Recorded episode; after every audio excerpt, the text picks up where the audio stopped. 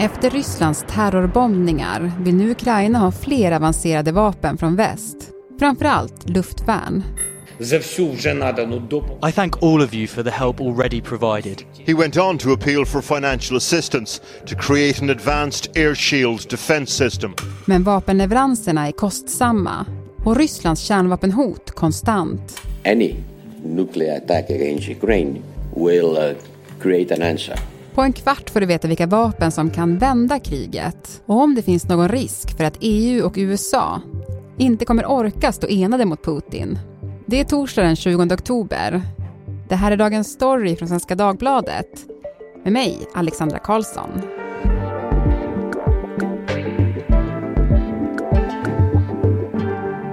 Janni Sallinen, du är grävreporter här på Svenska Dagbladet. Men du har ju också blivit något av en krigsreporter sedan Ryssland attackerade Ukraina. Ja, precis. Det har vi väl nästan alla blivit på ett annat sätt nu. Det har varit mycket runt Ukraina, absolut. Mm, mm.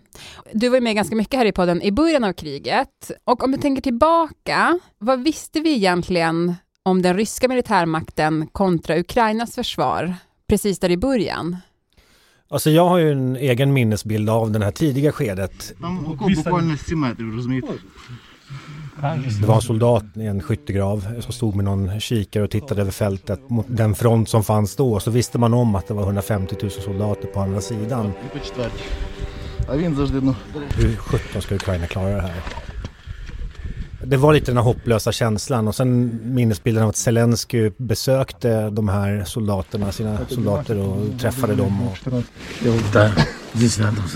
Jag tror att många tänkte att hur sjutton ska Ukraina överleva det här? Mm. Men det har ju gått väldigt annorlunda. Jag tror att mångas eh, idéer och tankar om hur det ska sluta har förändrats i och med kriget. Mm. Ja men verkligen, för som du säger där i början var ju känslan så här, ja det kommer ta några dagar och sen kommer Ryssland ta över. Ja, och det är ganska lustigt att läsa sådana analyser nu, de som skrev så här innan eh, 24 februari. När man läser dem idag så ser man så här, shit, vad tänkte de med? För då var det här, det är några dagar som du säger. Det har ju blivit mer. Ja men hur, hur är det nu då? Det som man kanske inte förutsåg, eller det som åtminstone inte Putin förutsåg, inte jag heller för till den delen, alltså att det här enorma stödet från väst, att det blev så sammanbitet med sanktioner, man var enade. Det har ju fört kriget till en helt annan situation än vad man kanske förutsåg där och då. Och det är väl där vi står idag. Vi ser att Ryssland kan utföra eh, robotanfall mot städer, civil infrastruktur. Det ger ju en enorm effekt på Ukraina. Trots att de haft framgångar soldat mot soldat så att säga vid fronten Mm, så påverkar det här civilbefolkningen som är grunden till en demokrati. Som du sa där, sen kriget började så har ju Ukraina fått vapenleveranser från oss i väst. Alltså vad har det inneburit för deras försvarsförmåga? Hur viktigt har det varit? Ja, precis. Och det, det kanske är svårt att säga en så exakt siffra. Så här, vi, så här viktigt har det varit. Vi vet att det har varit helt avgörande. Eh, Men det man kan lägga till ekvationen här, eh, väst eller EU eller USA ger inte dem stridsmoralen. Den Nej. har de själva, men vapnen såklart, det är ju avancerade vapen som skickas till Ukraina. Ukraina har en tradition av att tillverka vapen. Det har de haft innan också. De har även haft eh, egna vapen. Eh, hette det Neptun tror jag den här roboten som tros ha skjutit ner det här fartyget Moskva tidigt i kriget. The Russian warship Moskva was hit by at least one Neptune cruise missiles before it sank, according to a senior U.S. defense official. The Neptune is Ukraine's first domestically made medium range cruise missile designed to target warships. Så de har egna resurser men det här allt mer avancerade HIMARS, eh, artillerisystem och sånt där, det är ju sånt som kommer dit. Eh, och nu talar man ju om luftvärn. Mm. Ja men precis, för att Ukraina har lyckats försvara sig väldigt bra, men de är ju också i behov av fler vapen. Alltså vad är det de behöver nu? Om vi ser till det som händer nu bara som en kort följetong här. Krimbron sprängdes. Vad händer efter det? Jo, Putin och hans armé eh, bombar ett flertal städer i Ukraina. Och det här kan ju inte Ukraina värja sig mot. Det kommer anfall från luften, de kommer snabbt, det, fly, det går flyglarm. Så att det man behöver nu och det man talar om det är luftvärn. The enemy has marked me down as number one target. My family is the number two target. Jag behöver ammunition, inte skjuts.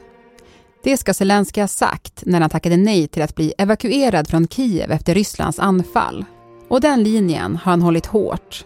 Och väst har levererat. More than 50 Western countries met on Wednesday to promise more weapons for Ukraine. Framförallt USA, som står för hälften av det militära stödet till Ukraina. Några av de vapen som pekas ut som avgörande är så kallade HIMARS. Ett raketsystem med lång räckvidd som kan nå mål långt bortom fronten. Men efter Rysslands senaste terrorbombningar vill Zelensky nu kunna stänga Ukrainas luftrum. I förra veckan sa han att Ukraina bara har 10% av det luftförsvar landet skulle behöva. Högst upp på önskelistan står avancerade mobila robotsystem. Till exempel norskproducerade NASAMS som USA meddelat att man ska leverera. Tyskland har redan levererat ett av fyra IRIS-T-system som är ett av världens mest avancerade luftförsvar. Burrows furniture is built for the way you live. From ensuring easy assembly and disassembly to honoring highly requested new colors for their award-winning seating, they always have their customers in mind. Their modular seating is made out of durable materials to last and grow with you. And with Burrow, you always get fast, free shipping. Get up to 60% off during Burrow's Memorial Day sale at burrow.com slash ACAST. That's burrow.com slash ACAST. burrow.com slash ACAST. Om det kommer dit ett luftvärn, då faller liksom Putins plan. Man kan inte pressa civilbefolkningen för de är skyddade. Så det här retar ju Ryssland jättemycket. Att då, då försvinner ett verktyg ur hans verktygslåda som han inte kan använda längre. Men sen finns det ju andra delar i det här som Ukraina är väldigt mycket efterlyst och det är ju nämligen medeldistansrobotar och robotar från USA som kan flyga mycket längre. Eh, så att du kan alltså kanske vara en stad långt borta från Ryssland och avfyra därifrån långt in på rysk mark. Men här säger ju USA nej. Den mm. typen av avancerade vapen med lång räckvidd, det skulle förändra kriget på ett sätt så att Ryssland måste börja försvara sina militärregioner plötsligt när det blir nya anfall där. Där är vi ju inte idag. Där vill USA inte heller hamna för då skulle man vara mer involverad eh, på, ett, på ett nytt sätt. Det är en ny dimension i kriget. Men ukrainarna vill ju det. Mm. Men jag tänker de här vapnen som kommer då från EU och USA, det är också otroligt dyrt. Alltså finns det någon smärtgräns för när USA och EU kommer sluta leverera dem? Ja, det torde ju finnas någon slags röd linje, för vi, det här påverkar världsekonomin på ett eh, sätt som påverkar oss till och med, alltså alla. Och eh, den röda linjen, ja vad går den? Om man läser att en vecka så kommer 700 miljarder dollar från USA till Ukraina, nästa vecka är det 800 miljarder dollar. Mm. Alltså det är sådana enorma mängder pengar så man nästan undrar, gud hur mycket pengar finns det där och hur mycket försvarsresurser finns det? Men då ska man också komma ihåg att för EU och för USA eller NATO är ju det här en billigare lösning än att själva vara i krig. Även om det är ofantliga summor. Mm. Eh, Elon Musk skickade ju en signal. Han, han eh, ger ju det här satellitsystemet som gör att man kan ha ett slags internet uppkopplat i Ukraina. Eh, mm. Starlink tror jag det heter. Han sa ju att nu får Pentagon börja betala, det börjar svida, det kostar mycket och det gör det ju, även om han är världens rikaste man. Till slut så backade han och sa att okej, okay, vi betalar vidare. Så man märker ju att det här kostar pengar och det ska ju också resultera i resultat. Och det är ju där Ukraina har lyckats. Man har fått resultat. Hade det inte blivit något resultat av alla de här satsningarna, investeringarna och vapnen, då hade det varit ett svart hål. Då hade man undrat vad som händer. Men Ukraina är ju där och använder det här väldigt framgångsrikt. Mm. Om vi vänder blicken mot Ryssland då. Alltså det har ju pratats eh, en tid nu om att eh, kriget inte går som Putin vill. Ehm, men de verkar ju ändå ha väldigt kraftfulla vapen, eh, måste man ju säga, som ställer till stor skada för Ukraina. Eller hur? Det har de ju. Eh, jag hörde visserligen nu när de här anfallen skedde efter Krimbron så var det snack om att man använt luftvärnsrobotar. De ska användas mot luften så att säga, inte mot marken. Och har man gjort det då kan det tyda på att man har brister på vissa saker, eh, precisionsstyrda vapen och så vidare. Mm. Och det här är de signalerna vi hört ganska länge. Varför flyger inte det ryska stridsflyget så mycket som de borde? Ja, men det finns inga precisionsstyrda vapen. Det tyder på att det finns brister på vissa saker som mikrochip från väst, högteknologiska produkter. Om vi ska gå in på de här kamikaze-drönarna då. De har ju använts för att attackera stora ukrainska städer här i veckan. Alltså hur farliga är de? Ja, farliga. Jag såg bilder nu, en kollega visade bilder från Twitter där det står män på marken och skjuter uppåt mot de här med någon slags AK47. Man försöker skjuta ner dem. Det, det är ganska läskigt såklart när de här kommer farande.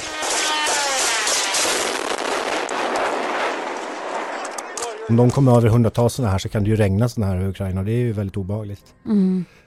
En annan sak som är väldigt obehagligt och som det ju inte går att inte prata om när det gäller Ryssland, det är ju det här kärnvapenhotet. Du skrev här i dagarna en, en väldigt spännande text om Rysslands kärnvapenarsenal. Alltså, vad vet vi om den? Man vet ju ganska mycket och då, man vet ganska mycket om världens kärnvapen och det är på grund av att det har funnits så enormt stora arbeten för att nedrusta under många årtionden. Att det ska inte, man ska reglera det där väldigt mycket. Nu har ju det där liksom luckrats upp mer eller mindre. Eh, men om man säger mängderna, jag menar det, vad har Ryssland? 6000 varav cirka 1500 strategiska och strategiska är de här civilisationsdödarna, de här som kanske är 1000 eh, kiloton. Sen har vi de taktiska eh, det vill säga de här lite mindre som kanske är mm, några få kiloton. Man vet var de finns. Eh, men det går ju såklart inte alltid att se när bestyckar man en Iskander-robot med en, med en sån här kärnkraftsstridsspets då. Först ingenting. Som vanligt kör några militärlastbilar in och ut från den ryska militärbasen. På underrättelsespråk kallas det normalbild. Men så plötsligt kommer lastbilarna i en stridström och kör vidare till ett skogsområde några mil västerut.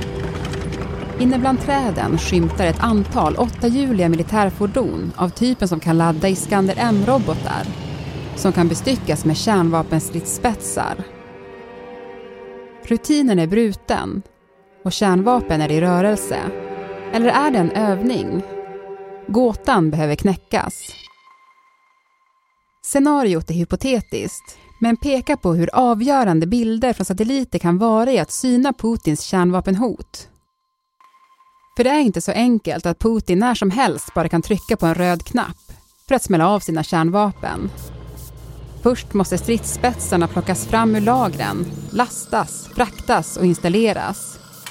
Well, let's just bring you the latest satellite imagery that we have received. You can see lots and lots of military vehicles there, hundreds of them in a convoy.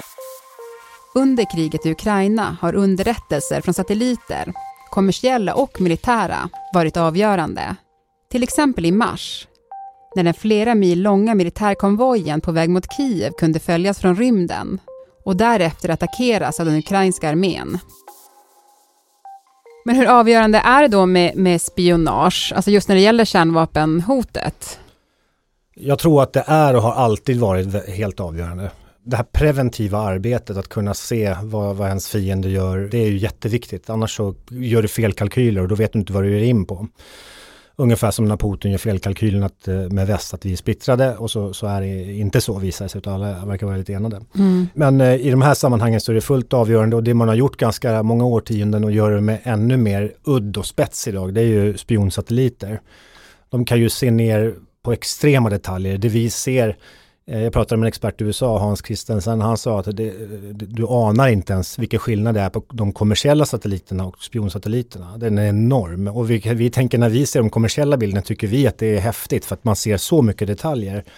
Men då är spionsatelliterna mycket, mycket bättre man kan se en lägereld tändas i skogen, hur många soldater som sitter där. Alltså det är extrema detaljer man kan se. Så det är, det är så man följer då de här eh, kärnvapenstyrkorna. Förflyttas de? Är det här normalt? Är det normal rörelse? Vad händer här? Oj, nu ser vi en förändring på Kolahalvön. Nu är det jättemånga bombplan där. Ah, men det är nog en övning. Så därför gäller det att känna till det här hela tiden. Det är jätteavgörande. Mm. Och hittills har man inte sett några stora förändringar? Nej, inte enligt eh, de jag har pratat med och det är ju folk som följer det här. Men då ska man komma ihåg att de följer på via kommersiella satelliter. Men, men det här är experter som har på med det här i årtionden. De säger att det har inte skett några sådana skillnader så vitt vi kan se. Och vad spionsatelliterna har sett, det vet vi ju inte. Men om NATOs generalsekreterare Jens Stoltenberg säger att vi ser inga förflyttningar, då får vi lita på att han har tillgång till sån information att det faktiskt stämmer. Så att det är lugnt än så länge. Men om han skulle använda ett kärnvapen i Ukraina, vad skulle hända då? Det som jag har funderat lite på det är egentligen det här med sprängstyrkan. Om du har eh, 15 kiloton, låt säga, som Hiroshima då. Eh, det blir en enorm ödeläggelse. Många dör och det är väldigt tydligt. Det måste bli ett militärt svar skulle jag gissa. Men om det blir nu så att för, för Putin har ju då eh, kärnvapen som är kanske på 0,5 kiloton. Mm. Ett kiloton. Det är fortfarande kärnvapen men de kanske riktas mot en specifik militärbas och så dör det jättemånga soldater och det blir ett radioaktivt moln men väldigt litet. Mm. När det blir de här mindre vapnen, då är frågan så här, hur kommer väst svara på det? Kan man svara med ett jättestort anfall tillbaka? Det där tror jag Putin, det är någonting man på Putins bord överväger. Om man ska använda det, vilken storlek, hur stark ska den bli? För att om det är en väldigt liten kärnvapen, ändå ett kärnvapen, men fortfarande väldigt litet med begränsad skada. Hur svarar man på det bäst? Troligtvis så blir det en svårare nöt för väst att knäcka om man ska så här, ja vad gör vi nu då? Ska vi skicka ballistiska robotar traditionella? Ja men hur många då? Det var ju litet kärnvapen. Mm. Han skulle dock tydligt också gå över en gräns. Och om det då inte skulle bli ett svar så skulle han ju visa att det går att göra det. Ja, en gräns passeras ju, så är det som du säger, absolut. Men det är fortfarande det här, vad gör man när gränsen passeras? Det finns ingen reglering som säger vad man ska göra, utan då blir det här eh, politiska svaret. Fler sanktioner eller svarar man militärt? Ja, frågor som har ställts är, sänker USA Svarta havsflottan? Men allting beror ju också på hur Ryssland använder kärnvapen och vilken typ. Mm. Du, vi får helt enkelt hoppas att det här inte händer. Vi får verkligen hoppas att det inte blir några kärnvapen. Mm. Tack så jättemycket Janni för att du var med i Dagens Story. Tack så mycket. Burrows furniture is built for the way you live. From ensuring easy assembly and disassembly to honoring highly requested new colors for their award-winning seating, they always have their customers in mind. Their modular seating is made out of durable materials to last and grow with you. And with Burrow, you always get fast, free shipping. Get up to 60% off during Burrow's Memorial Day sale at burrow.com slash ACAST. That's burrow.com slash ACAST. burrow.com slash ACAST. Programmet idag producerades av Kajsa Linderoth, redaktör var Erika Hallhagen och jag heter Alexandra Karlsson. Vill du kontakta oss så mejla till dagensstory.svd.se. Klippen i programmet kom från The Guardian, Channel 4 News, CNN, AFP, The Military TV, Reuters, BBC, The Telegraph, The Sun och Sky News. When you make decisions for your company, you look for the no-brainers. And if you have a lot of mailing to do, stamps.com is the ultimate no-brainer. It streamlines your processes to make your business more efficient, which makes you less busy. Mail checks, invoices, legal documents, and everything you need to keep your business running with Stamps.com. Seamlessly connect with every major marketplace and shopping cart. Schedule package pickups and see your cheapest and fastest shipping options from different carriers. With rates up to 89% off USPS and UPS rates. And with the Stamps.com mobile app you can take care of mailing and shipping wherever you are. Make the same no-brainer decision as over 1 million other businesses with stamps.com. Sign up with code program for a 4-week trial plus free postage and a free digital scale. No long-term commitments or contracts. That's stamps.com. Code program.